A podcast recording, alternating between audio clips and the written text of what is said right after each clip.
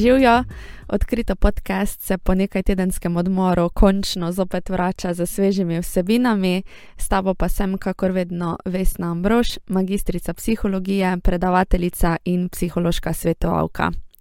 Danes je z mano gost, ki se na podcast vrača že tretjič in to je Matija Ambrož. Matija je zdravnik, specializant družinske medicine, zanimanje ga je pa v zadnjih letih vodilo predvsem v vode neinvazivne estetike.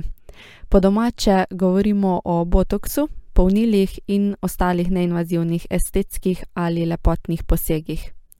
Ti za Matijo predstavljajo pravzaprav eno tako področje umetnosti, če je rezultat pristopa osvežen, pomlajen in sijoč naravni izgled, kar tudi sam poudarja pri svoji praksi.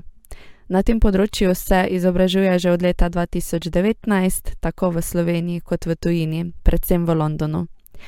V tej epizodi govorimo o učinkih, trajanju in bolečini posegov z botoksom in filerji. Ustavila pa so se malo bolj dolgo tudi pri vprašanju, ali lahko neinvazivna estetika vpliva na samo podobo posameznika, zaradi tega, ker se ponekod pojavljajo skrbi, da ti posegi krepijo prevzetnost oziroma po angliško bi rekli vanity in ne krepijo v narekovajih neke zdrave samozavesti da so ti posegi zgolj obliž na neko večjo rano, ki se je ne da zakrpati s takšnimi quick fixi. In Matija je na to pomembno vprašanje podelil res izčrpen in strokoven odgovor, ki ga boš kmalo slišal oziroma slišala v tej epizodi.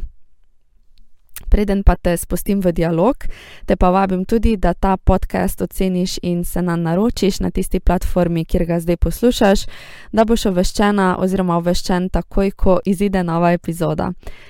Z naročnino in mnenjem si mi v ogromno pomoč, ker tako poskrbiš, da se moj glas razširi tudi med druge ljudi, ki bi jih te vsebine otegnile zanimati oziroma jim pomagati. Sem pa res noro hvaležna in pa vesela tudi takrat, ko poslušanje epizode podeliš na svojem Instagram storju, pri tem pa prosim ne pozabi označiti še z AFNA odkrito podcast, da te lahko sploh najdem in pa pošeram potem tudi na svojem profilu. Zdaj pa skočimo v epizodo. Prijetno poslušanje.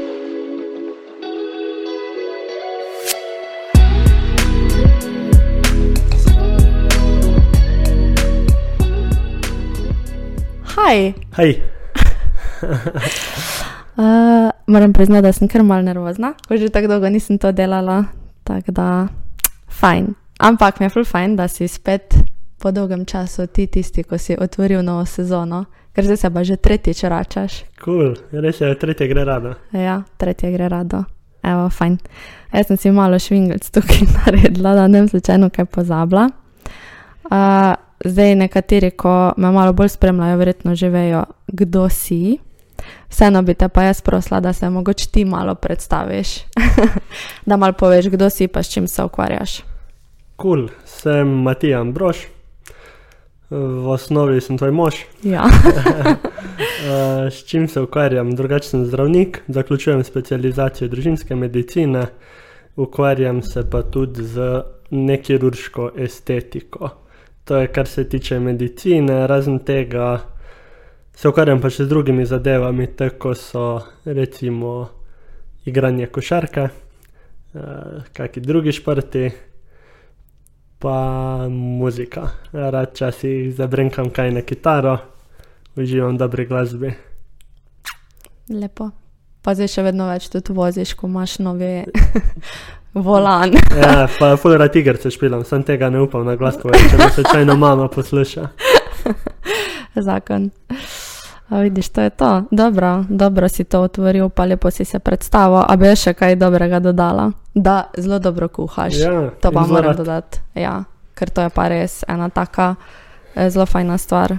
Pa fulera, da jem karkoli pripraviš. Um, ja, se pravi, omenil si med drugimi, da se ukvarjaš tudi z nekirurško estetiko. Zato smo v bistvu danes tu, da bi te malo več o tem vprašala.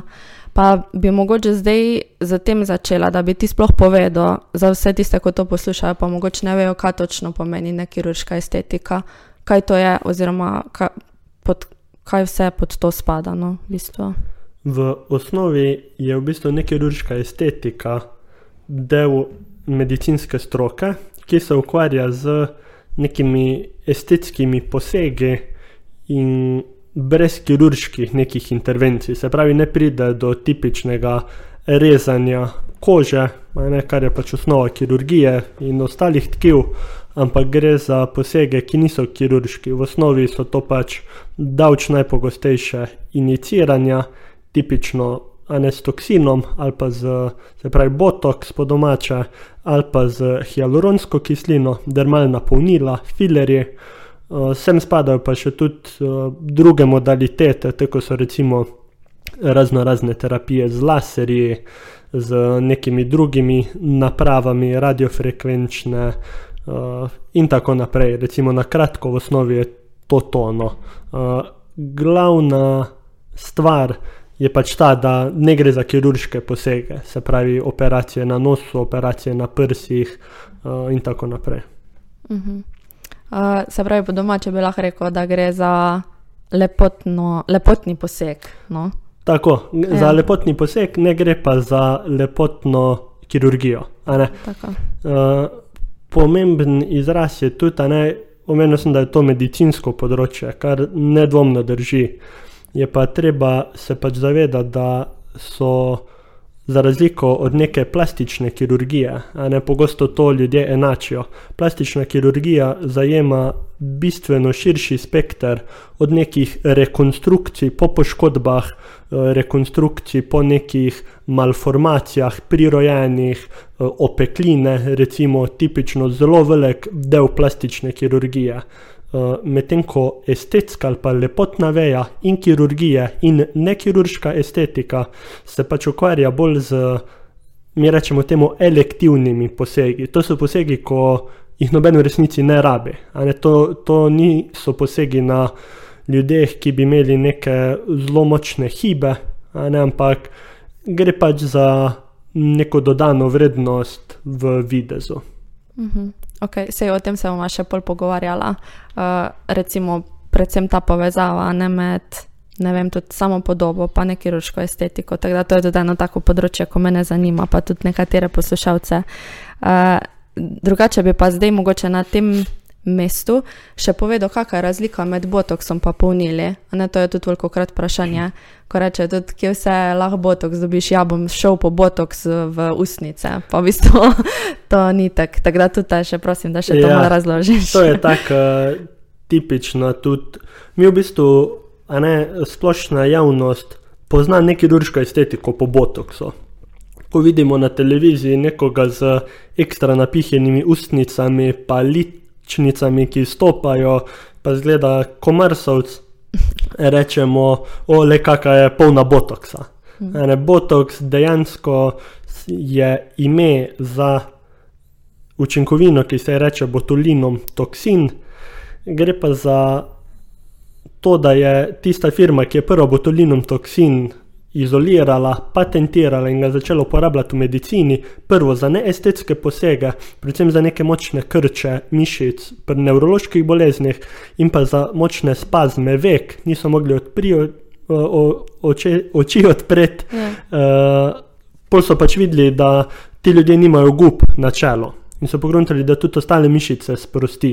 Mm. In dejansko sam botoks, se pravi botulinum toksin, poznamo tudi druge ko niso botoks, pa so ista zadeva od drugih firm, se uporablja predvsem v zgornji tretjini obraza za sproščanje mišic in s tem posredno brisanje gubic, ki pač zaradi napetosti v teh mišicah nastanejo. Najbolj tipično področje uporabe so med obrvmi za ti dve navpični gubi, ko se mrščimo po domače, uh, potem na čelo, ko dvignemo obrvi, pa nastanejo te vodoravne številne gube in pa te smejalne gube, rečejo tudi, recimo, reče tačke ob očesih na vsaki strani, uh, ki pa v bistvu se širijo proti ušesu oziroma proti obrazu. Uh, se pravi, to so neko tri glavna področja, a ne botoks oziroma botulinum toksina, mm. z polnimi ličnicami, s polnimi ustnicami in s prepolnjenimi, nima veze. Uh, zakaj se še lahko uporablja? Ima zelo širok spekter uporabe, o medicinskih sem že pregovoril, uporabljamo ga lahko pri nekih kroničnih migrenah, uporabljamo ga zelo, zelo učinkovito za preprečevanje potenja, tipično pod pazduhami, lahko tudi na podplatih, rokah. Uh, uporabljamo ga tudi za bruksizem, to je pojav uh, stiskanja zob, kjer imamo zelo poudarjeno to čeljustno mišico, žvekalno, in eni imajo na ta način čisto v bistvu, sklenino zob uničeno, imajo lahko tudi neke kronične glavobole, uh, uničene sklepe v čeljusti, se da pravzaprav z botoksom to zelo dobro uh, te mišice sprostiti in zadevo na ta način rešiti. Po drugi strani so pa dermalna polnila dermalna polnila, a ne, to bi še rad povedal, botoks, prosto jaz uporabljam kot botulinom toksin. Ko pa rečem botoks, čisto pogovorno mislim seveda na vse oblike, a ne, ker imamo v Sloveniji tudi bokotur uh, in pa disport. To sta dva še druge znamke, ki pač pri nas so na tržišču. Um, na dermal in botoks te oblike so torej zdravilo.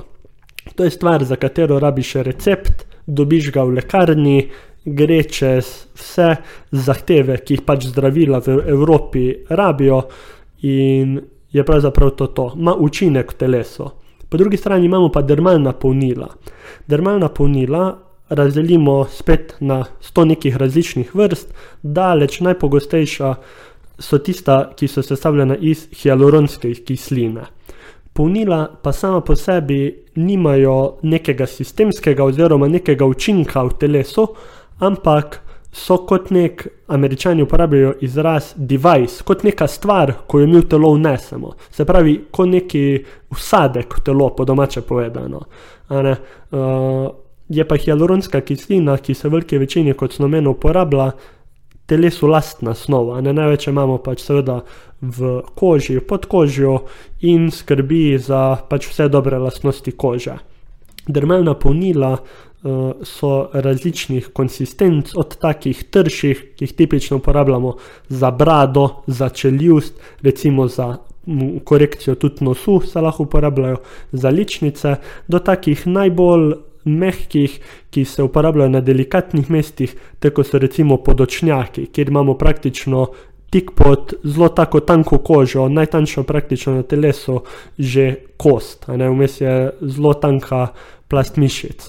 Eh, in mora biti gel, dermalno polnilo, čisto drugačne konsistence, kot pa recimo eno močno, ki ga damo v brado, da poudarimo nek jawline, čeljust.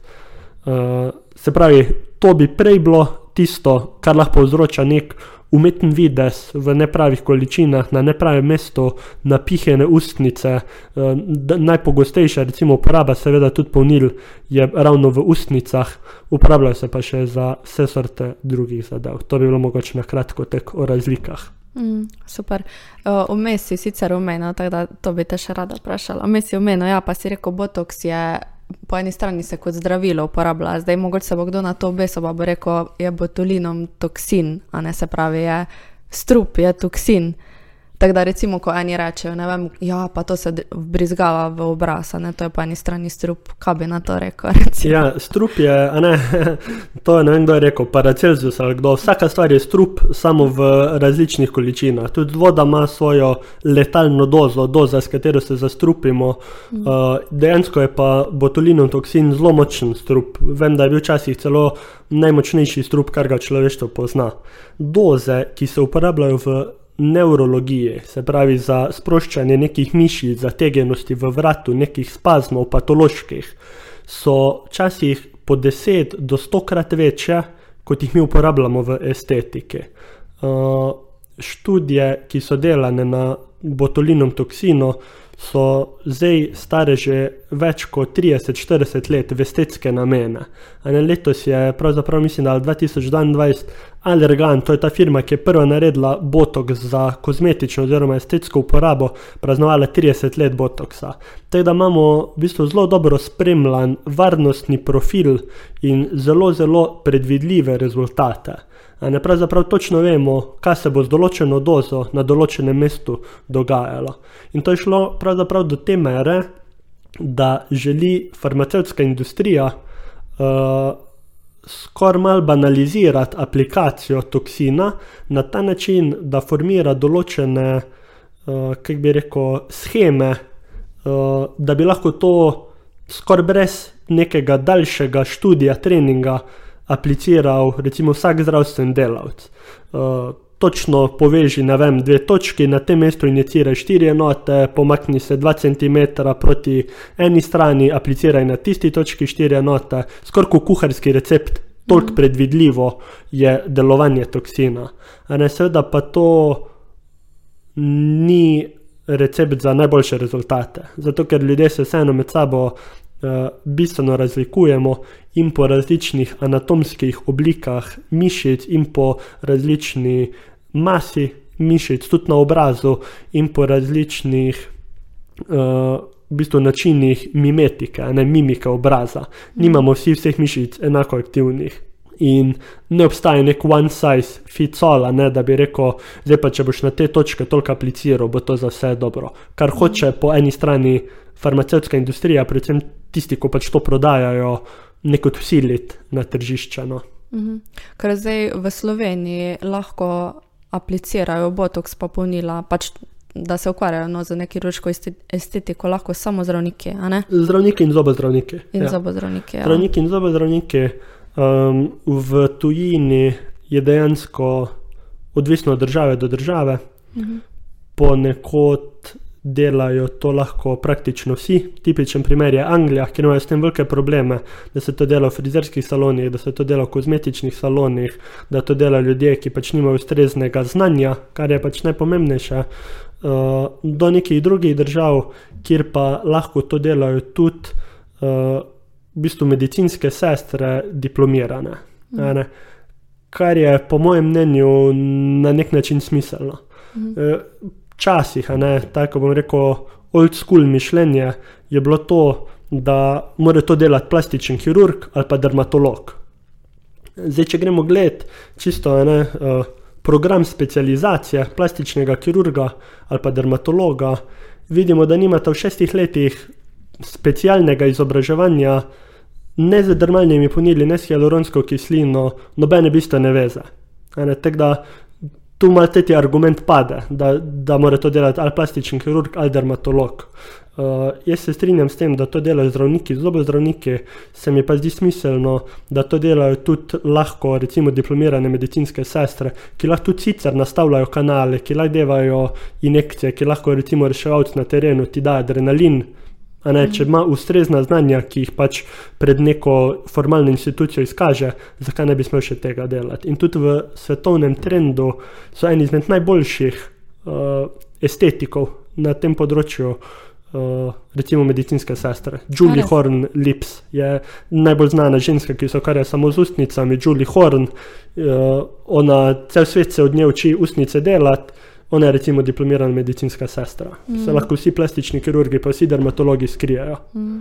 Tako da dejansko tisti, ki se s tem veliko ukvarja, ko ima o tem veliko znanja, se bo to naučil delati. In seveda je pa treba neka formalna zdravstvena izobrazba, zato da delaš varno, da to, da poznaš pač pravila asepse, da znaš rokovati z ostrimi predmeti, poznaš dobro anatomijo in tako naprej. Tako da tista druga skrajnost, da pa to lahko dela vsak, ko ima pet minut časa, tako je v Angliji, je pa zelo nevarna v bistvu za, za stranke, za pacijente. Mm. A ne vseeno, tako sem prej rekel, je to medicinski poseg in vsi medicinski posegi imajo neželene učinke, lahko, a ne in komplikacije. In tako kot sem čist na začetku omenil, tega v resnici noben ne rabi. Ne?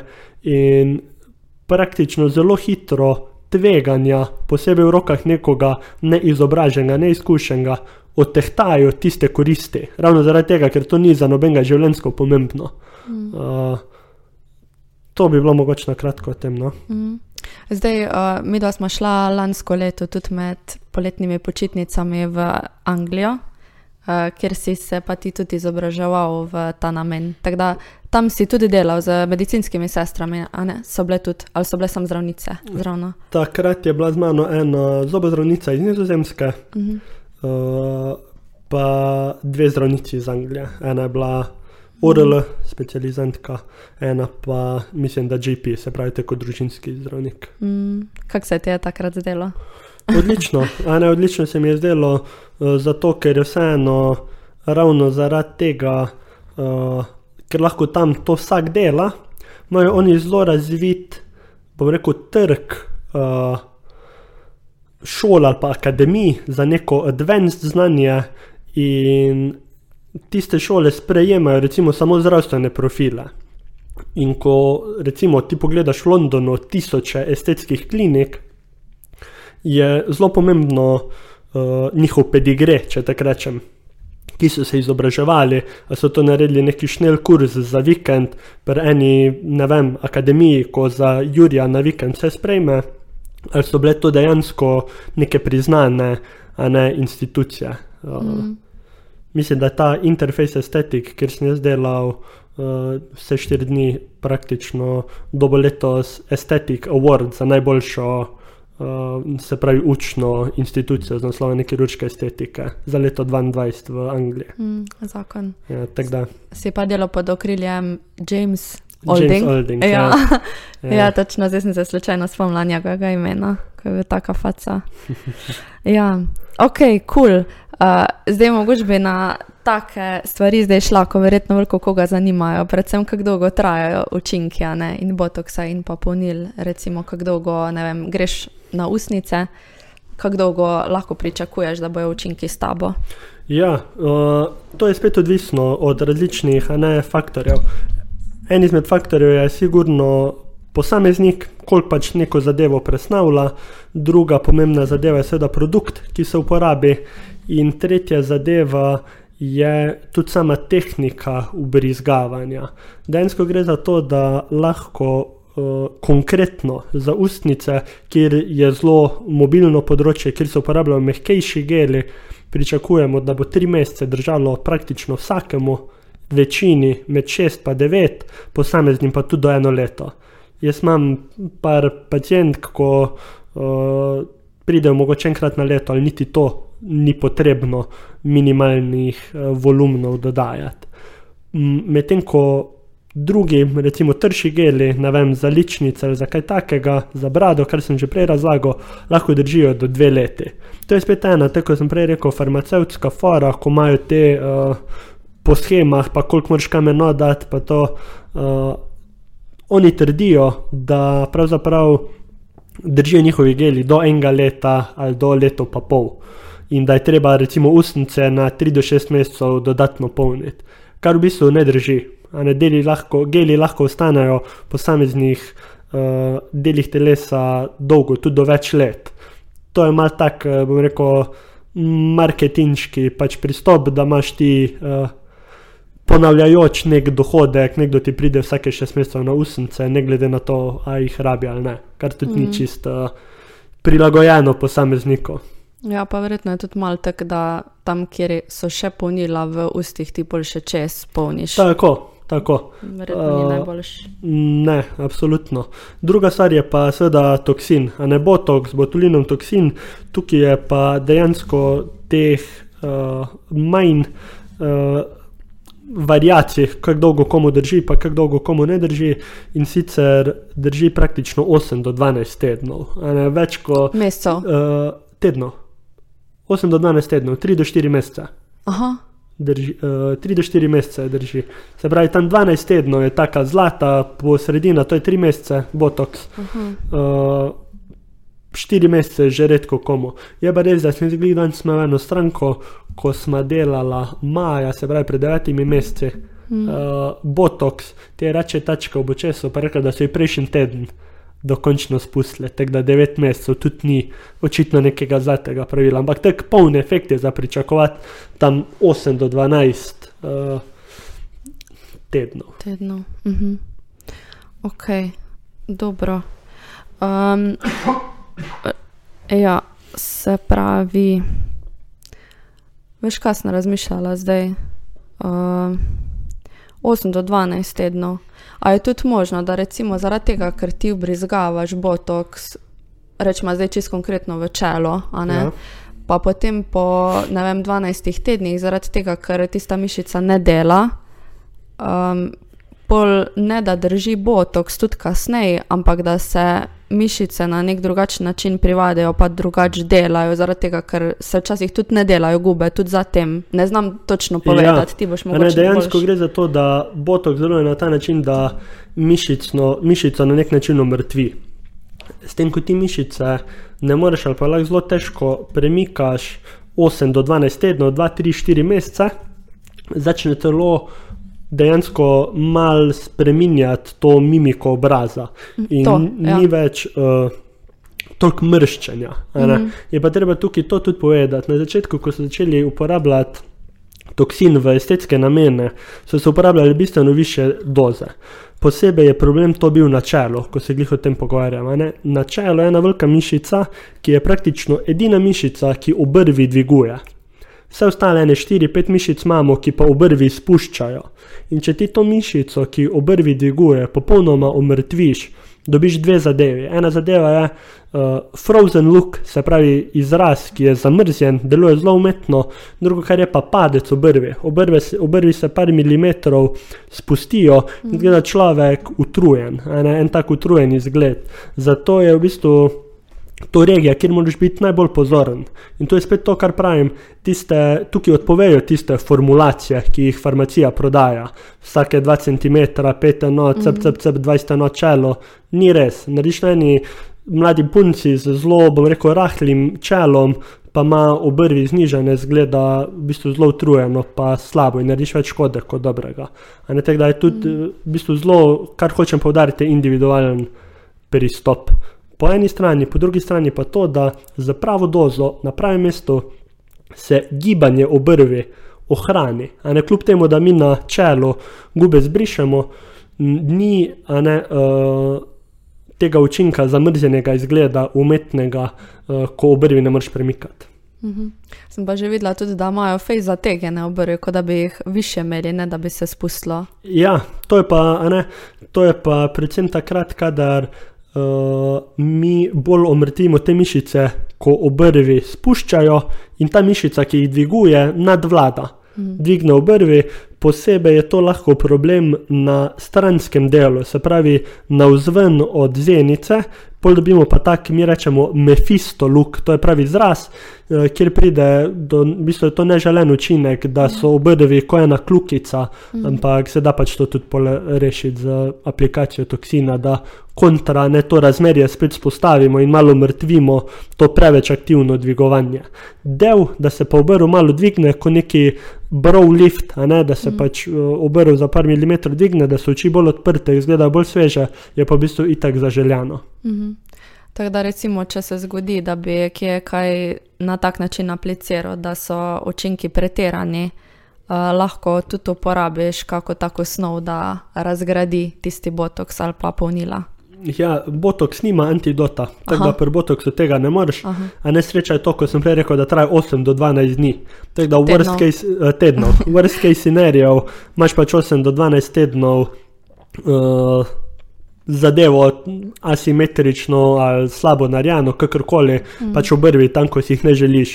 Mm. Uh, drugo je pa pri hialuronskih polnilih, zato tudi jaz uporabljam samo hialuronska, praktično nobenih drugih, ker imajo antidot, to je hialuronidaza, pač encim, ki hialuron raztaplja. Uh, to je posebej pomembno zaradi tega, ker pri zelo, zelo, zelo, zelo, zelo redkih primerih pride do brizgavanja hialuronske kisline v žilo. ne.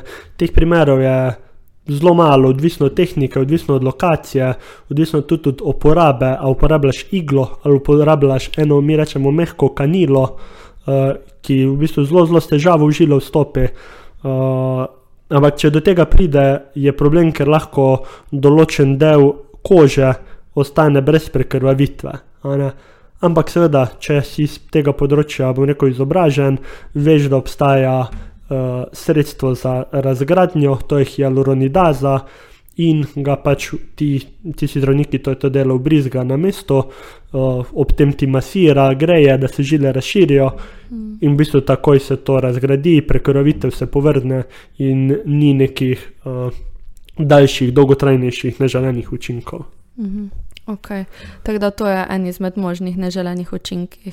Ja, to je tisti najbolj, najbolj bizaren, pa mm. najbolj redek. Mislim, da je ena na sto tisoč uh, pojavnost, s tem, da če uporabljaš pa te kanile, ko sem povedal, da so v bistvu še bistveno izboljšan varnostni profil, pa je še bistveno manjši, en na 800 tisoč, to je približno ena proti milijon skoraj, no. uh, kar ni zanemarljivo, spet iz tega vidika, kot sem prej rekel, da tega pač noben ne rabi. Mm -hmm. Ti greš za to, da bi imel vem, bolj polna lica, zgled pet let mlajši, bolj svežji zgled. Pol ti pa nekdo brizga v žilo, pa ti en del, ne vem, 3 kvadratne centimetre kože na obrazu odmre, on nima antidota, mm. se ti začne zadeva brazgotiniti, pa imaš celo življenje posledice. težave, ne posledice. Ja. Uh, Tako da kljub temu, da je to zelo, zelo, zelo redko, ni zanemarljivo iz mm. tega vidika in je pač treba se o tem pogovarjati. Pa tudi to, ne vem, jaz sem pacijentkam to povem, da je to možno in da morajo pač pre, premisliti pri sebi, ali je to mm. od tehta korist tvega ali ne od tehta. Mm. Ja. S tem, da pač seveda mi imamo vedno to hialuronidazo, ja. prvi roki, da če do tega pride, da pač pravčasno ukrepamo. Ja, ja tako da se na tak način uh, v bistvu zmanjšaš možnost, no, da pride do tega neželenega učinka. Prej, da gremo tukaj še naprej, bi te jaz vprašala, odkje je želja po estetiki. To je bilo tudi eno vprašanje od poslušalcev, pa se mi zdi tako fajno. Odkje je želja po estetiki? Ja, to je to vprašanje, si mi predstavlja že vnaprej. Mm -hmm. Mi je pa pravzaprav kar dalo misliti. Uh, dejansko sem se v estetiki znašel po naključju.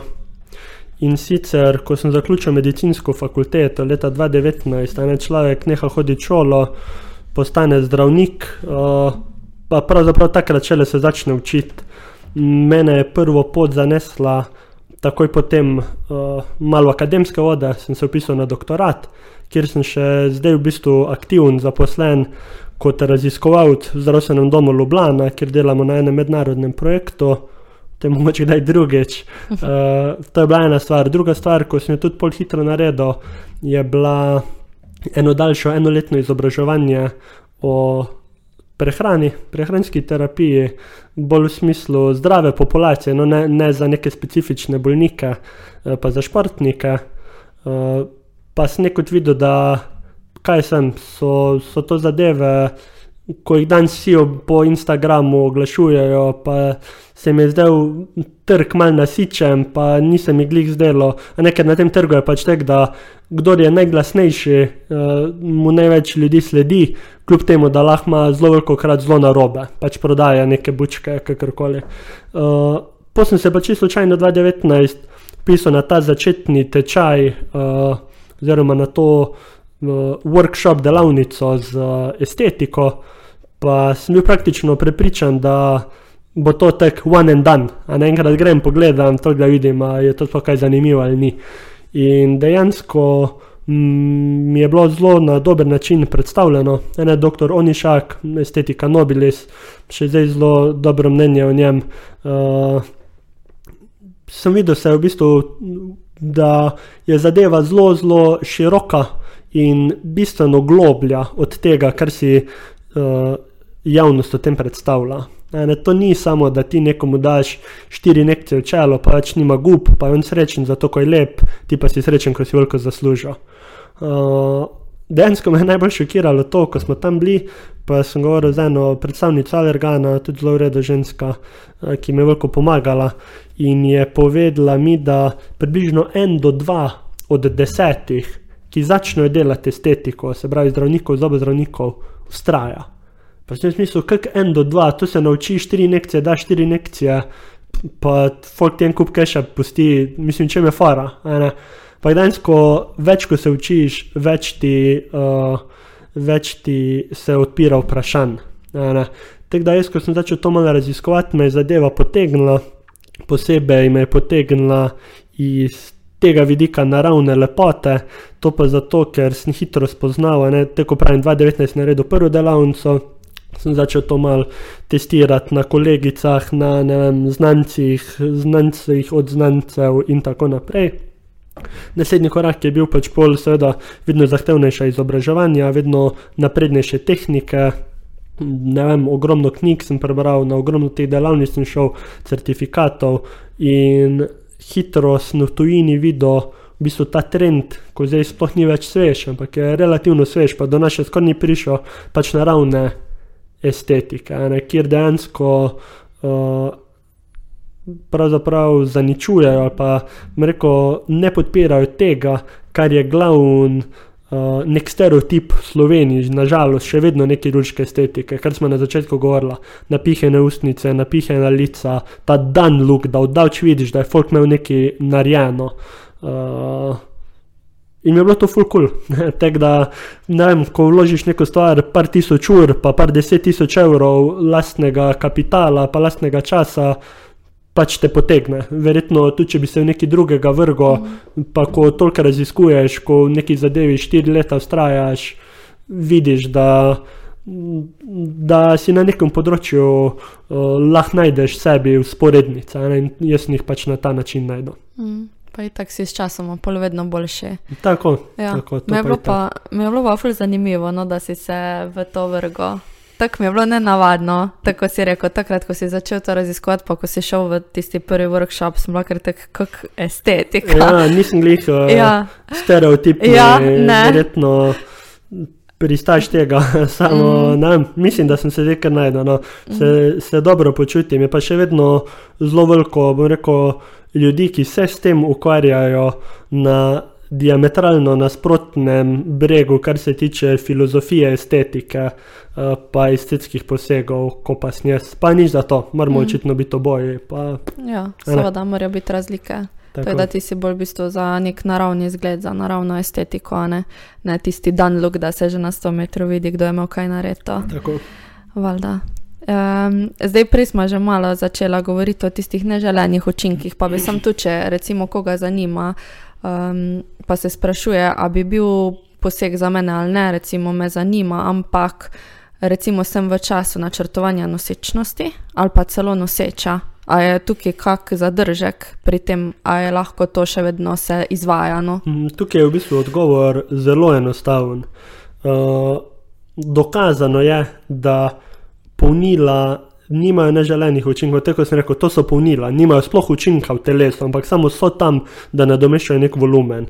Mm. Uh, druga stvar je botox, v takih malih dozah tudi nima nekih učinkov neželenih, ampak. A naj spet se vračamo na to osnovo, kar sem rekel, ker tega nihče ne rabi, ker je to elektiven poseg, se tega v času nosečnosti, načrtovanja nosečnosti ali pa dojenja ne izvaja. Mhm. Tako da jaz v bistvu te pacijentke odslovim, pa pač rečem, pridi, ko nehaš dojiti, če bo še želela ali kakorkoli. Mm -hmm. Ker se mi ne zdi, ne, tako pravim, tveganja pa koristi, čeprav tvegan dejansko skoraj ni. Je to pač neka zadeva, ko ti v tem obdobju ne bo prinesla nekih koristi, in je prav, da pač se v nosečnosti, dojenju, načrtovanju družine uh, to pač ne izvaja. Ja, pa da se malo počaka, se par mesecev gor ali pa dol, ne Tako. tako nima neke take veze. Vsaj načeloma, razen če pridemo pol do BDD-ja, ne, to je pa zdaj ena, mogoče ena taka naslednja tema, se pravi body dysmorphic disorder. Uh, o tem si mi zadnjič mm, govoril, ko smo se pogovarjali, mislim, da smo se v avtu vozila, pa mi je bilo ful zanimivo, kaj si povedal. A bi o tem malo spregovorila? Lahko na hitro. kaj je sploh to? Body dysmorphic disorder je dejansko patološko dojemanje lastnega telesa. Ne? To je F-diagnoza, pač psihiatrična, po tej MKB mm. klasifikaciji. Gre pa za ljudi, ki so, bom rekel, bolestno ali pa patološko obremenjeni s svojim izgledom. Ne, zdaj, če vprašaš uh, splošno populacijo, če vprašam moje frende, bo da ja, to so vsi tisti, ki pridejo k tebi. pa, pa ni glih tak. Uh, mm. Gre namreč za to, da en folk ljudi se preveč obremenjuje s svojim ogledom, mislim, izgledom, mm -hmm. so neke, uh, neki kriteriji, kako se to točno definira. Je pa res to, da je stranka oziroma pacijentov v estetskih klinikah približno 15% takih, ki to imajo. Uh, v splošni populaciji je tega 1 do 2 odstotka, mm, se pravi, se bolj koncentrirajo v teh ustanovah. Kar je najbolj zaskrbljujoče, pa kar je v bistvu pravzaprav šokantno.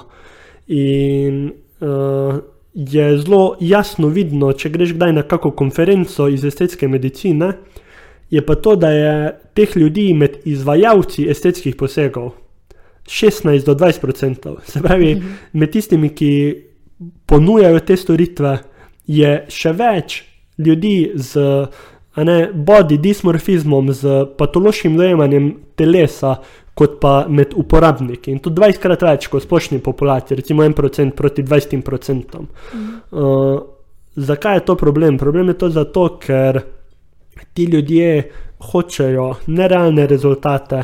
Mislijo, da si bodo z estetskimi posegi uredili life, da se jim bo vse spremenilo. Uh, najbolj zanimiv podatek je pa ta, da od vseh, recimo, ki so recimo na tej populaciji BDD pacijentov, ne body dysmorphic disorder, ki jim opravijo vseeno neko storitev. Najpogostejša je operacija nosu. Se pravi, najbolj si dajo nos operirati, kar je sicer kirurški poseg, pa dobro, uh, ustnice, tipično zelo velike prsi. Mhm. Uh, na koncu je 98 odstotkov vseh teh pacijentov nezadovoljnih z rezultatom in so v bistvu ta njihova patološkost dojemanja še poglobi. Uh, Te, ko sem že prej začel razlagati, da sem pač najdel neke trende, neke uh, subkulture znotraj estetske medicine, ki pač bolj k naravnem izgledu strmijo, imajo večinoma v ambulantah že take kratke presejalne teste, kjer lahko zelo dobro odkrijajo te pacijente in jih pač usmerijo k terapeutu, k psihiatru, k osebnemu zdravniku, v bistvu na neko drugo pomoč, ki jo dejansko rabijo. Oni ne rabijo estetskega posega, ampak oni rabijo dejansko neko pomoč, da razrešijo, kaj se pravzaprav dogaja. Ja, psihoterapija. So, tako so pa zelo pogosto to pacijenti, ko vidijo neke grozne. Uh, Nepravilnosti na obrazu, ko jih ti kot strokovnjak, recimo za estetiko obraza, ne vidiš. On ti razlaga, da ima totalno asimetrične ustnice, ti ga gledaš, slikaš, ne vem kaj, ne vidiš nekje asimetrije.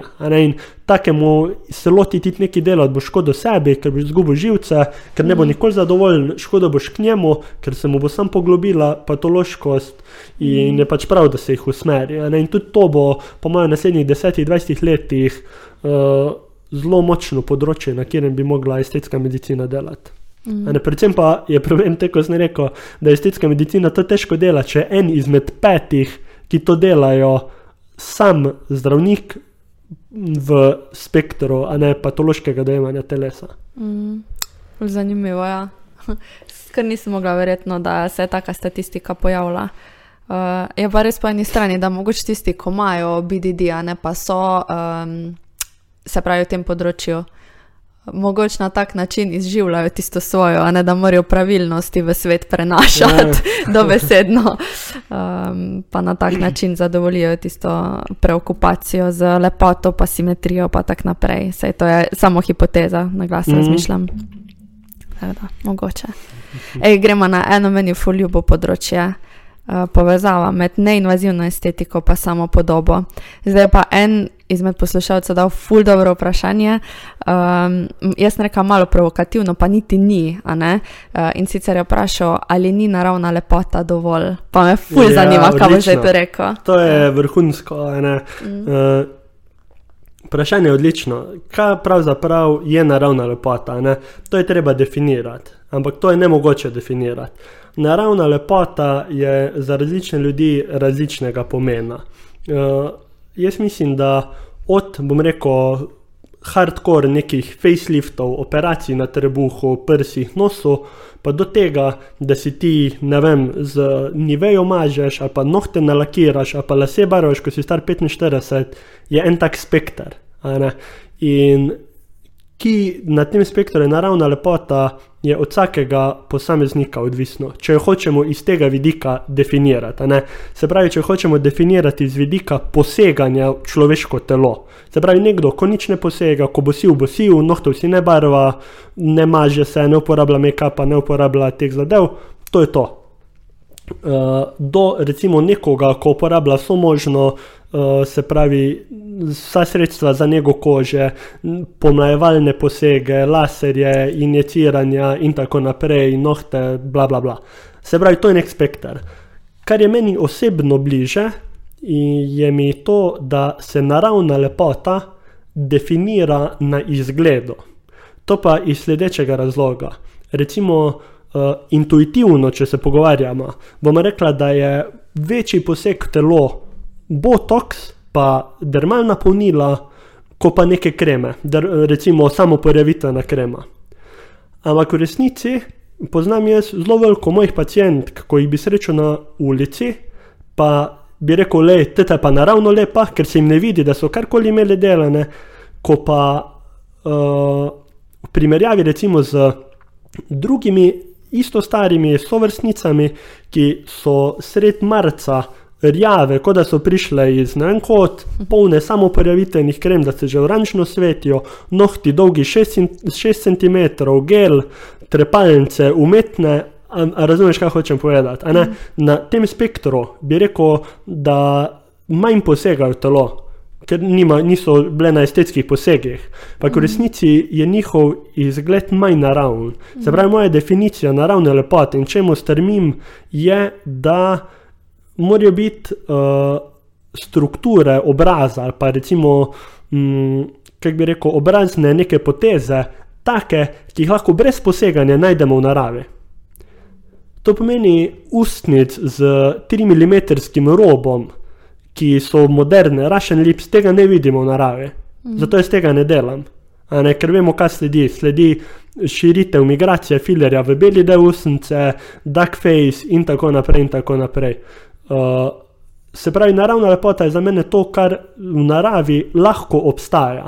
Če imamo pa nekdo prirojen, zelo šibke, recimo ličnice, pa mu je za pol mililitra na vsaki strani ličnice poudarim, nekdo, ko ga bo prvič videl, ne bo rekel, da zgleda nenaravno, zato ker je videl ljudi s takimi ličnicami. In to je za mene naravna lepota. Da ti vsakem človeku poudariš, mogoče če mu kaj manjka, ali če ga kaj samega po sebi pač teži. Isto recimo, mi imamo 40, 45, 50 letne dame, ki na čelu nimajo gub, pa niso bile nikoli na nobenem posegu, to je mama. Mm, mm. Veš kaj mislim? Ja. In če daš ti prave doze, tako sem rekel, odmerka, botoksa, pa narediš žensko staro 50 let, brez gub na čelu, je to še vedno lahko naravna lepota, ker dejansko v naravi imamo ženske, ki niso imele ničesar delane, pa nimajo gub na čelu. Se pravi, naravna lepota za mene je to, da ko te nekdo, ko te ne pozna na ulici, vidi, ne ve, kaj si ti imel na sebi delano. Tu, če si imel facelift, ti imaš dobre kirurge, ko te lahko komplet spremeni, pa boš gledal naravno. Mm. In to je naravna lepota za mene. Mm. Po drugi strani imaš pa nekoga, ko ga boš videl na 15 metrov, pa boš videl, da ima, ne vem, tako sem rekel prej, noben ima trepalnic, kot da ima gosenico na zgornji veki v naravi. ja. To, ni, to ne more biti naravna lepota. Ja, ja. 8 cm dolgi nohti, Tud, trdi, ja. izgela, ošiljeni, tudi ne more biti naravna lepota. Mm. Ustnice, tako smo rekli, z tistim 4 mm, pa 3 mm robom, mm. čisto sploščene. To, to je za mene ne naravna lepota. Ne? Mm. Teda, ja, dejansko naravna lepota je dovolj. Vprašanje je samo, kaj je za koga naravna lepota. Ja. Ja, ne, mislim, tako sem rekel, to je spekter. Eni si barvajo lasi, drugi si zraven lakirajo nohte, tretji mm. uporabljajo še nočne kreme, dnevne kreme in tako naprej. Mm. Odvisno pač, ki potegneš črto. V vsakem primeru pa eno, se pravi, uh, investicija v lastni izgled. Ni povezana s tem, ali boš gledal naravno ali ne naravno. Tako sem rekel, greš na najbolj invazivne posege, uh, facelifte, pa boš gledal zelo dobro, če ti bo to nekdo pač naredil, tako se naredi. Lahko mm. prideš na filerje, lahko prideš na botok, pa ne bo v ožjem krogu tvojem, se pravi, družina, kolegi, sodelavci, s katerimi si vsak dan, bojo ti rekli, o, ti pa naspano zgledaš. Mm. Lahko greš pa v DM, pa si kupiš samo previteno kremo. Ki ti sploh ne paše, pa se namažeš, pa boš oranžen, pa boš vsi videli, mm. da to ni tvoj ten, da to ni tvoj odtenek kože. Ja. Tako da eno z drugim, se pravi, invazivnost posega ni neposredno povezana s tem, ali je nekdo naravn ali ni naravn. To je moja filozofija glede tega. No. Mm. Zdaj pa jaz razmišljam v tej smeri, da mogoče kdo misli, da ni naravno dovolj, zato ker ti še vseeno z iglami iniciraš pod kožo. Recimo, da jim to predstavlja nenaravno lepoto, kako kar hitro greš ti v telo, ne samo na zunanjosti. Samo je pa tudi, recimo, ne vem, samo porjavitvene kreme, se pa s tem tudi greš ti pravzaprav notranjost kože. A ne to je še vseeno kemija po eni strani. Ne vem, a ne to je ful odvisno, tako si rekel, od vsakega posameznika. Ja, seveda, um, pač odvisno malo od filozofije, ja. kako na to gledaš. Mm. Uh, ki potegneš črto. Uh, dejstvo je to, da koža ima z razlogom zelo močno bariero, kaj prepušča telo in če se ne. Mm.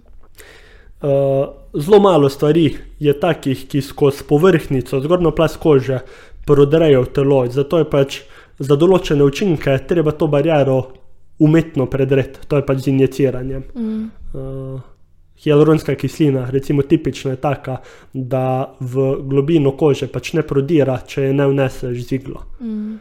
In to je pravzaprav to. Ne, mm. to bi še mogoče tukaj dodal. Včasih, ko so se začela dermalna ponila razvijati, so želeli, uh, ne, mi imamo pod kožo na obrazu maščeve. In to maščeve se z leti staranjem spreminja.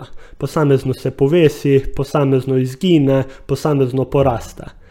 In sprva so začeli um, nadomeščati s hialuronsko kislino na te maščobne blazinice, glede na to, tiste, ki so se pomanjšale, so jim dodali in tako naprej. Ne? Ampak so pa videli, da v bistvu bi rabili zelo velike količine hialuronske kisline.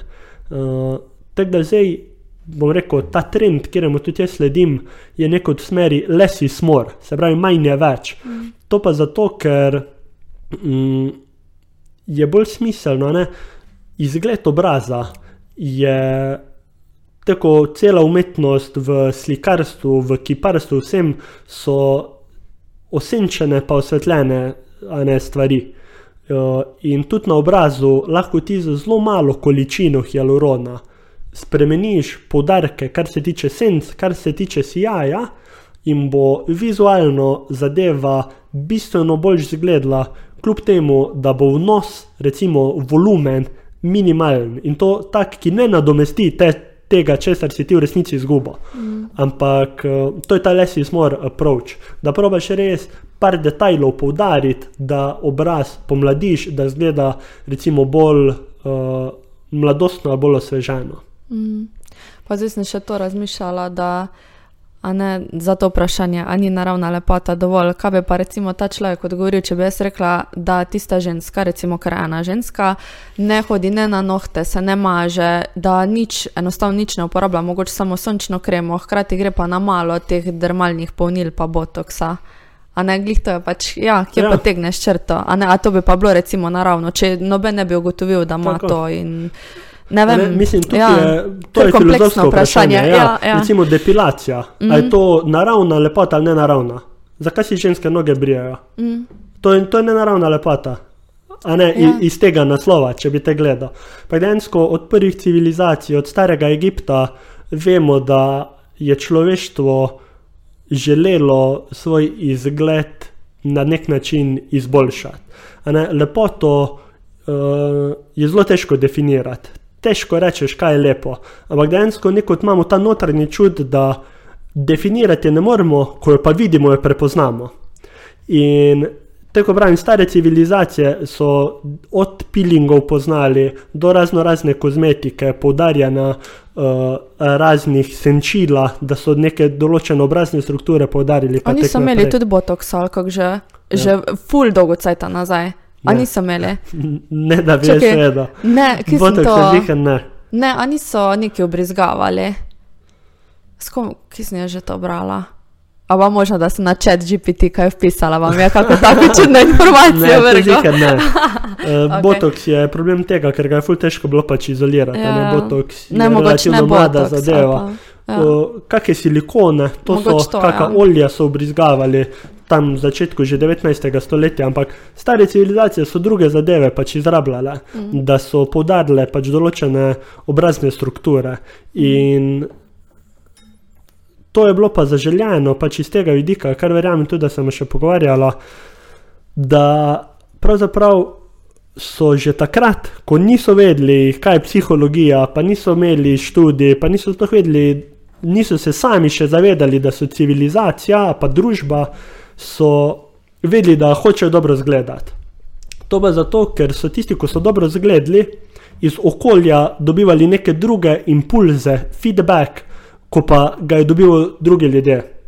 In to je, bom rekel, tega ne moremo zanikati, ne glede na to, kako se trudimo, pa da so druge stvari pomembne, pa ne vem kaj. Izgled definitivno v naši družbi igra zelo, zelo pomembno vlogo, ne glede na to, ali si to priznamo ali si tega ne priznamo.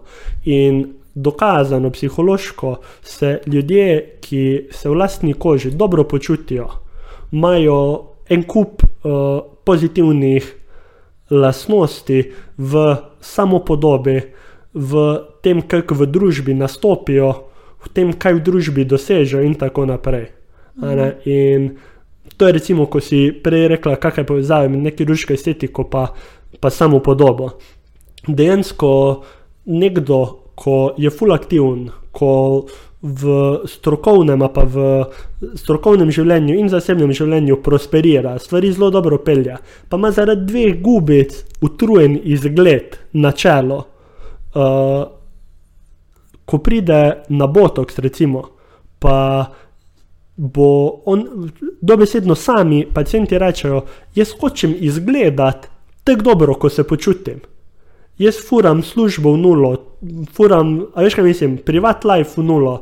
Uh, Vse mi gre, samo ko se pogledam, se mi zdi utrujen. Pa vem, da nisem utrujen, jaz sem poln energije, tako kot sem bil pred petimi leti.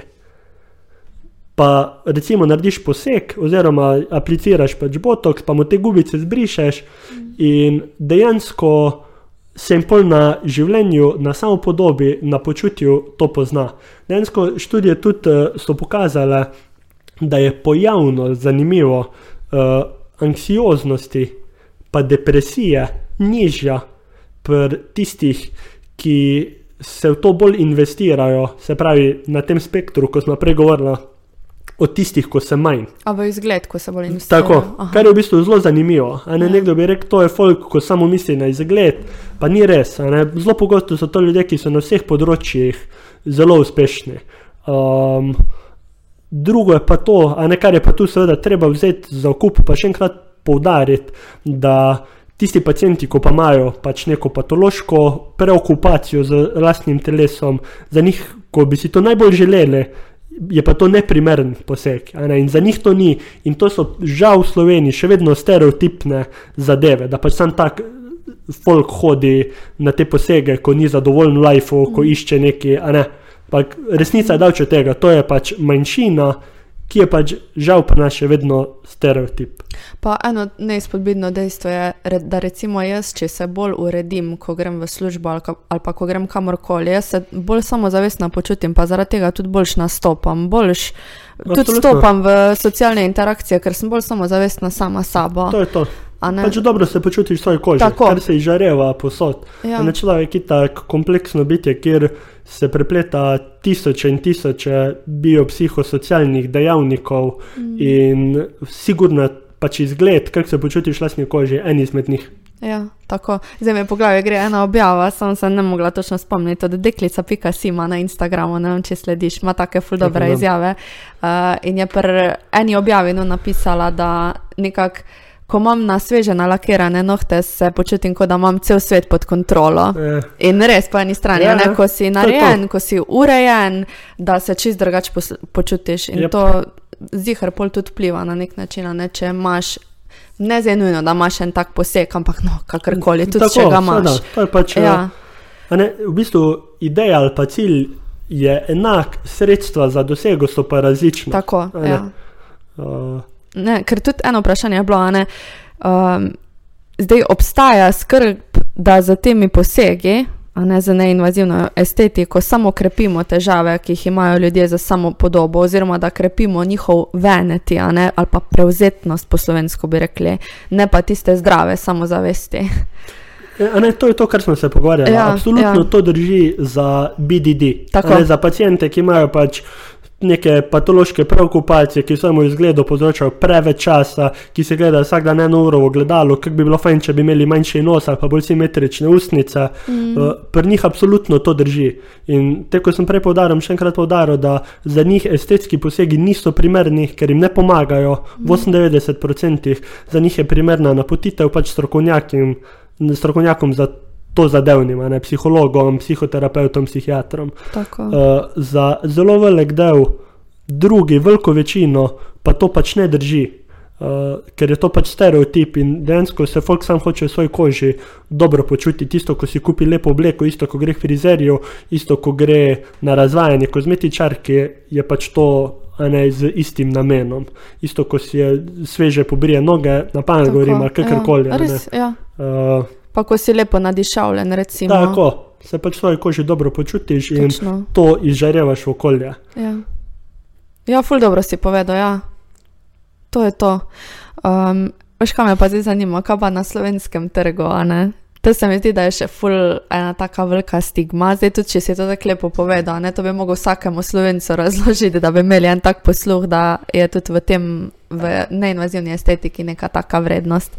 Tako da, kak pa, kaj misliš, da smo slovenci glede tega na splošno? Dejansko, ne vem, ne, v osnovi se, bomo rekel, estetski pacijenti razdelijo na ene štiri različne tipe. En tip je preventivne estetike, to so tam dame od nad 40 let, ki dobro izgledajo, so urejene, si bi želeli tak izgled čim dlje ohraniti. To so minimalni posegi, kjer v bistvu želijo malo ustaviti proces staranja. Uh, drugi, druga kategorija so v bistvu iste, pa še malo starejše, ne, nad 50, vzdrževalne. Se pravi, tiste, ki so začeli nek proces staranja pri 40-ih ustavljati, pa ga pol pri 50-ih še z razno raznimi pač obdobnimi posegi uh, ustavljajo. In načeloma so to zelo že a priori, se pravi, pred posegi, samozavestne, urejene ženske, uh, ki pač vejo, kaj želijo v lifeu. Tretji, tretja kategorija uh, izmed štirih estetskih pacijentov so tisti, ki iščejo neke korekcije. Ne? Imaš človeka, ki je zelo zadovoljen z svojim izgledom, pa nikoli ni imela punca ustnic. Pa bi imela mogoče vsaj to, da se malo rdečo vidi ali kaj takega. Uh, pride samo na specifično zadevo. Imáš pacijentov pacijentko, ko ima zelo, zelo močno gubo na upično srečala, to do te mere, da ima zaradi tega tenzijske glavobola. Ona ima toliko močno mišico, toliko napenja, posebej, ko ji sonce sije v avtu, ko vozi, uh, da ima zaradi tega glavobola. Reče, zelo zadovoljna sem s svojim telesom, sem ne bi le nič drugega delala, sam to se da rešiti narediš, je zadovoljna. Pole pa četrta zadeva. Se pravi, ti tri so načeloma zelo, rekel, zadovoljni z izidi, imajo zelo realna pričakovanja in so neproblematični pač pacijenti, uh, s katerimi je lušno delati. Uh, četrta kategorija so pa v bistvu tisti, ki želijo si nadgraditi svoj izgled. To sta pa pol dve, dve različni ne, uh, fazi. Eni so tisti, ki si želijo določenih sprememb na obrazu, recimo poudariti ženskost, minimalno spremeniti obliko ustnice, malo poudariti recimo čeljust, jih motijo podočnjaki in tako naprej. Bi radi bolj ženskost, pa bolj. Sproščeni izgled, seveda isto moški, enim bi radi poudarili ta močen moški jawline, čeljust, uh, isto podočnjaki se pojavlja itd. Uh, po drugi strani imaš pa tiste druge v tej znotraj te skupine, ko želijo pač neko izboljšanje nadgradnjo izgleda, ki imajo pa nerealna pričakovanja. A ne to so pa ti, ko smo govorili celo epizodo BDD, mm. ko imajo malo patološko preokupacijo z določeno zadevo, ko si, ne vem, pride slikami od Kylie Jenner pa reče, wow, take usnice ali pa tek, ne bo šlo, veš kaj mislim, to ni realno, zakaj si sploh to želiš, a si še s čim nezadovoljna. Ne? In uh, to je ta problematičen spekter pacijentov, kjer jim sebi in jim najbolj škodiš, če pač jim nekaj posege se lotiš delati. To, ker boš imel dolgoročno probleme, pa oni bodo imeli probleme, kar je pa še bolj pomembno. Mm. Uh, se pravi, v Sloveniji dejansko trg je večinoma uh, je teh, ko si želijo kaj popraviti, pa teh, ko si želijo, uh, se pravi, tretja skupina, določeno specifično, ali so to usnice, podočnjaki, kakorkoli, gube, pa te četrte, ko si želijo nadgraditi. A ne tistih prvih, pa drugih je tudi nekaj, ampak jih še ni toliko, kot recimo na zahodu, v tujini, mogoče malo zaradi ekonomskega statusa, mogoče zaradi uh, tega, ker smo pač par let za, če rečem, v narekovajih, razvito Evropo ali kakorkoli. In trendi, ko so bili tam pred desetimi leti, so pač danes pri nas, trendi, ko so zdaj pri njih, bojo pač pri nas čez 50 let. Mm. Ja, lepo. Zdaj pa le to. Eno zelo dobro vprašanje. Čeprav malo si ga že razdelil, tako da bomo samo en del tega poskušali odgovoriti. Sama razmišljam o manjšem posegu usnic, vedno pa me zaskrbi, da ne bi izgledalo naravno. Lahko poveš malenkost o tem, kako dolgo trajajo učinki filerjev, koliko boli in kako vem, ali bo izgledalo naravno. Tako da zdaj večinoma od tega si že povedal, mogoče tisto, koliko boli, Učinki trajajo, tako kot smo rekli, Ja. 3 do 9 mesecev, pa enih do eno leto. Naravni izgled je odvisen od tehnike injiciranja, pa od količine. A Ne, neko uh, velja pravilo, uh, neizpodbitno, da poglej izvajalca, pa boš videl, kakšne so njegove stranke. A Ne, to pomeni to, kar smo se prej menili. 20% izvajalcev, storitev, zdravnikov ima BDD. In če vidiš, da ima en estetik, ki se ukvarja res očitno nabulane ustnice, napolnjene ličnice, umetni izgled na 10 metrov, lahko pričakuješ, da boš ti, če se boš pri njem odločil za poseg, približno isto zgledo, ker je pač to njemu očitno estetski ideal. A ne teda, to je ena stvar. Druga stvar je seveda najboljš, da se pogledajo ti pač before and after zadeve, da vidiš, kakšni so v bistvu rezultati, ko jih nekdo producira. Uh, Pol pa vidiš, da se v bistvu poistovetiš s tem, ali se ne. ne. Naravni rezultati, uh, posebej pri usnicah, so relativno lahko dosegljivi, pač z volumnom ne smeš pretiravati, pa teh anatomskih uh, barijer pač ne smeš, uh, ne smeš preiti kakorkoli. No. Um, Moraš jih upoštevati in spoštovati pač naravno lepoto. Kar se tiče same bolečine, pa zadeva taka. Zelo pogosto se v tem področju pomlajevanja, posebej pri starejših od 30 let, delajo tudi te nazolabialne gubice. To so gube, ki potekajo od roba nosu pa do ustnega kota.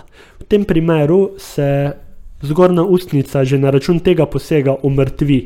V vsakem primeru, jaz pri vseh pacientkah uporabljam tudi eno zelo močno anestetično kremo, ki se tako šminka nanese na ustnice, po 20 minutah ustnice umrtvi. Pacijentke večinoma bolečino na skali od 1 do 10 opišajo tam med 2 do maksimum 4. Uh, zbadanje se čuti, prijetno ni, en dan, naslednji dan znajo biti še malo razbolele, otečene so še 4-5 dni, pole pa praktično to tono. Ok. Ena druga je še vprašala, globoke vdolbinice oziroma brazgotine od aken, a je to možno popraviti z nekirurško estet, estetiko eh, in pa kaj pa rdečino, ki ostaja po aknah.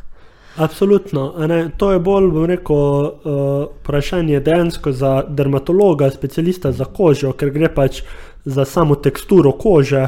Uh, razno razne modalitete, ki se s tem ukvarjajo, poznamo.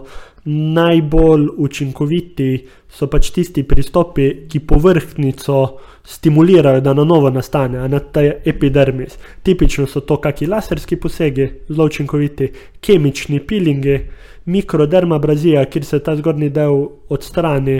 Uh, to je v bistvu to. Tako da odgovor kratek je: ja, absolutno se to da, treba se pač obrniti na strokovnjaka za področje teh kožnih, uh, v bistvu težav s teksturo kože. Mm, Ampak so, so zelo dobre rešitve. super. Kako se pa kaj storitve gibljajo cenovno, ker je bilo eno dobro vprašanje tudi, ali in koliko so preplačane storitve lepotne estetike. Uh, hm, ne, prvo, kar je treba se zavedati, se je treba zavedati, da je zadeva medicinski poseg. Ne, to ni, ko greš ti na tržnice, bučno olje kupiti, to ni uh, nekaj, kar bi lahko imel z, brez resnosti. Kljub temu, da gre za neko, se hočeš dobro počutiti, ta ne, neka butična storitev, v osnovi je to medicinski poseg.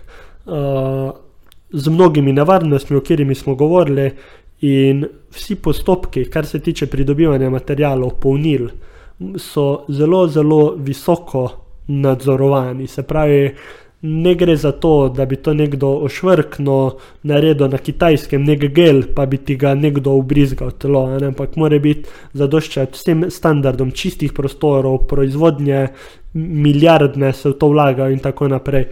Tako da estetske storitve dejansko, po mojem mnenju, niso precenjene, kvečemu so podcenjene.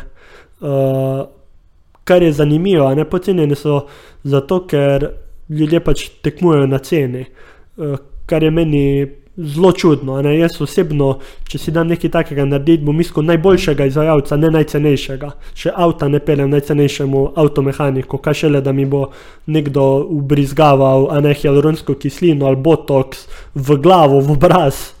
Veš, kaj mislim. Mm. Uh, brez neke kakovosti. Ne? Tako da cena absolutno ne bi smela biti glavni faktor pri odločanju. To je ena stvar, druga stvar je pa ta, da so dejansko sami materiali zelo dragi. In proces pridobivanja botulinom toksina, glede na to, da so na tržišču v Sloveniji samo trije registrirani. Držijo pač visoke cene, tudi nabave. Mm. Uh, Tako da marže, se pravi, za izvajalce niso zelo visoke. Tudi isto je z samimi filerji. Ne treba biti pa pozoren posebej pri pr polnilih, je pa zdaj v zadnjem let, zadnjih desetih letih nastalo tisoč in ena uh, firma, ki se s tem ukvarja, ki delajo polnila. Zelo veliko je zelo dobrih, zelo veliko, posebej iz kakih vzhodnoevropskih trgov, razno razna Rusija, Poljska in tako naprej, pa posebej azijskih, kitajske mm. variante, korejske, so pa nepreverjene. V Sloveniji uh, bi se načeloma mogli tudi teh evropskih smernic, EMA, ne, uh, European Medical Association, držati, mm. to je tako ameriški, ta FDA. Uh, eh, mm. Approved. Tako. Mm. In yeah. tu je pač treba biti pozoren. Zdaj, če nekdo ponuja ceno, ki je prelepa, da bi bila realna, polje pač mogo nekaj prešparati. Ali je prešparal na materialih, ali je prešparal pa na vem, izobraževanjih ali ki druge.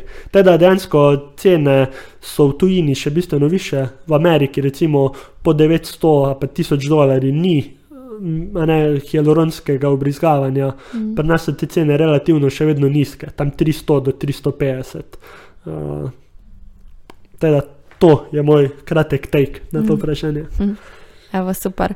Zdaj se pomikamo pa že proti koncu. Jaz sem sicer tukaj nekaj mitov napisala, če bi jih uh, malo razbila, je pa res, da smo to že tekom podcasta naredila. Recimo napisala sem, pa bomo zdaj mogoče sam tiste preletela, kjer so še neodgovorjeni. No. Cool. Eno je, nekirurški estetski posegi niso varni in imajo veliko tveganj, To smo ugotovili, pač, da nekaj tveganja. Ne? Ja, zelo malo tveganja so. Ena, ena glavni stranski učinki, v katerih lahko govorimo o celih procentih, recimo en na sto pacijentov, en na deset pacijentov, imajo oteklino, se pravi, glede na to, da te zbodajo z iglo, isto kot ti ne vem, dajo injekcijo, kot ti cepijo, bilo kaj, na mesto vzbadanja te lahko boli, lahko ti oteče, lahko imaš rdečo, če ni sterilne tehnike, lahko pride do infekcije. Mm. Uh, To je pa bolj kot ne to.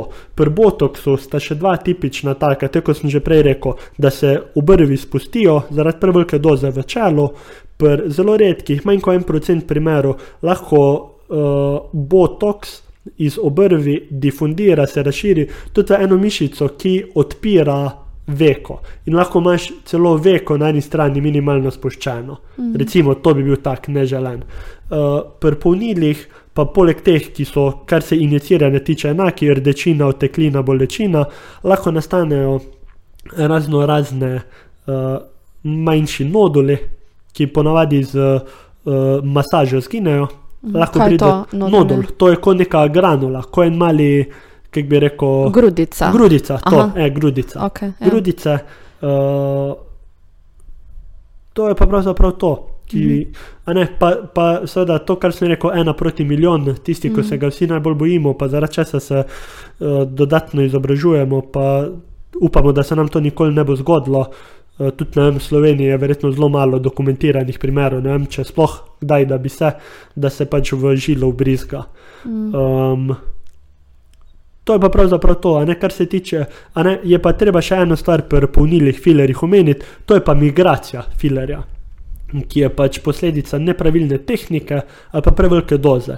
To samo mimo grede, to, če se nekdo ne predstavlja, kaj je to, to je tako tisto, ko zgleda Ducklips, ko tisti filerji pridejo v belo, v Tako, beli namesto prostor. V, iz rdeče usnice Ja. se razširijo v beli prostor in mm. je cela usnica. Tako račka, tako naprej Napihnjena, imaš, ja, tako. neko za- skoraj gleda- zgleda od strani. Tako račka. Čudno, tako ja, raca, ja. Ne, in ne dogaja se to samo v usnicah, to se lahko isto dogaja na ličkah, če niso prav injicirani. Tipičen mm. tak efekt je še recimo pri podočnjakih, ena izmed najkompleksnejših regij za injiciranje, se lahko ob nepravilni injiciranju, če je preveč površinsko, filersko s kožo, to tanko vidi, sem rekel, da je najtanjša koža na obrazu, se pravi vidi taka klobasica, ki je bil brizgan filer, mm. ker če ni pod mišico brizgan, potem lahko tukaj moti tudi zastoj limfe, eni otečajo, tak puffy eye se reče. Uh, ampak načeloma so ti uh, pri polnilih neželeni učinki povezani dejansko z tehniko injiciranja, uh, kar je pa seveda zelo fajn, je pa to, da se lahko relativno na lahek način razgradijo s tem antidotom, hialuronidazo, kar smo pa prej povedali. Mhm. Se pravi, tu če pride do neke grudice, do neke bulice, pa iz masaža ne moreš odstraniti, pač vbrizgaš v končni fazi hialuronidazo, raztopiš hialuronsko kislino in je to to. Mhm. Super. Pol en mit je še tak, ko bi ga mogoče menila, da je ne kirurška estetika samo za ženske. Ja, to smo že prej povedali, da ne Mhm. drži. Ne? Eh, Predvsem te gube, moški isto se gubamo kot ženske, uh, isto eni napenjajo zelo te mišice nad obrvmi, imajo zaradi tega kronične glavobole, uh, se relativno veliko pač odločajo tudi za botoks, uh, pa lahko tudi. Uh, ličnice, a ne je pa seveda postopek drugačen. Pri ženskah želimo bolj ta ovalen, srčkast obraz, ličnice bolj proti na širino delamo, a ne malo višji položaj, medtem ko pri moških bolj poudarimo ta sprednji del ličnice, pravi uh, odnosa do srednje linije skozi zenice, je ponavadi manjko pač volumna. Prav tako je različen pristop k čeljusti, ne pri ženskah mora biti ta kot bolj uh, odprt, ne sme biti tako oster. Brada mora biti ožja, pri moških je pač zaželena širša brada, recimo širini ustnih kotičkov, pa bolj definiran jawline čeljust. Teda za vsakega se kaj najde, če se pač v tem vidi. Mm. Ja, pa res se mi zdi, da je zdaj vedno bolj popularen tudi, tudi um, oster jawline za ženske, kot sem Ja, videla. včasih prav absurdno, Ja, ne izpade na en zelo nežen obraz, zelo tak oster, Mm. uh, marsovski jawline. Ja. Sam to je mogoče tudi od tega, ko so se pravi ti filtri na Instagramu. Ja. Ali da ne. mogoče malo vpliva tudi na želje To bo naslednji duck face. Ne, zdaj, se- Najbrž, ja. zdaj se bo folk naučil v petih letih, da take usnice pač res niso nekaj estetskega, nekaj očesu prijaznega mm. in bo pol videl, naslednja stvar bo pač ta chiseled uh, jawline, se pravi zelo izklesana čeljust, najnežen obraz mlade dame. Tako. Ok, mogoče še samo za konec, kje opravljaš svoje storitve, kje te lahko ljudje najdejo, če bi si zaželeli kaj takega. Najdejo me na drmaco.si, spletna stran. ja. ali pa na dr. Maco počrtaj na Instagramu. Uh, trenutno pa sodelujem z estetika Julius kliniko v Mariboru, kjer v bistvu imajo specializirano nekirurško estetsko ambulanto, kjer je pač jaz delam. Mhm. Tak da, Imaš pa tudi Instagram, uh, estetika Juliusa, ne skupaj pisano. tako. Ja. Tako da tam lahko pa še ljudje kaj najdejo, če jih zanima. Uh, zdaj na spletni strani si tudi en tak fulfajni um, priročnik izdal. Ja, Sem ga prebrala, je fulfajn na napisan. kratek pregled, ja. Ja, če koga zanima, je Še brezplačen. modalitet, tako da ni samo pač Mhm. botox, pa fileri, kar je vseeno 90% in svetovnega dela, recimo ne kirurške estetike, 90% posegov se naredi botoks pa fileri. Ostalo je pač vsega skupaj, tako sem prej razlagal, že razno razne te uh, naprave za krepitev kože, učvrstitev, mm. radiofrekvenca, laseri, tega je tam 10 do 15 odstotkov. Mm, super. Teda, če bo ljudi še kaj zanimalo, se lahko na te obrnejo. Yes. Lahko. Okay, Če imaš še kakšno vprašanje, pa kaj provokativnega. Naj kar rečejo. ne? Yes. Ok, Matija, stokrat hvala. Mislim, da smo že z urco pa 15. Ja, Tako da, kar lepo. Vredi, hvala ti stokrat. hvala tebi. Čau, čau, se vidimo.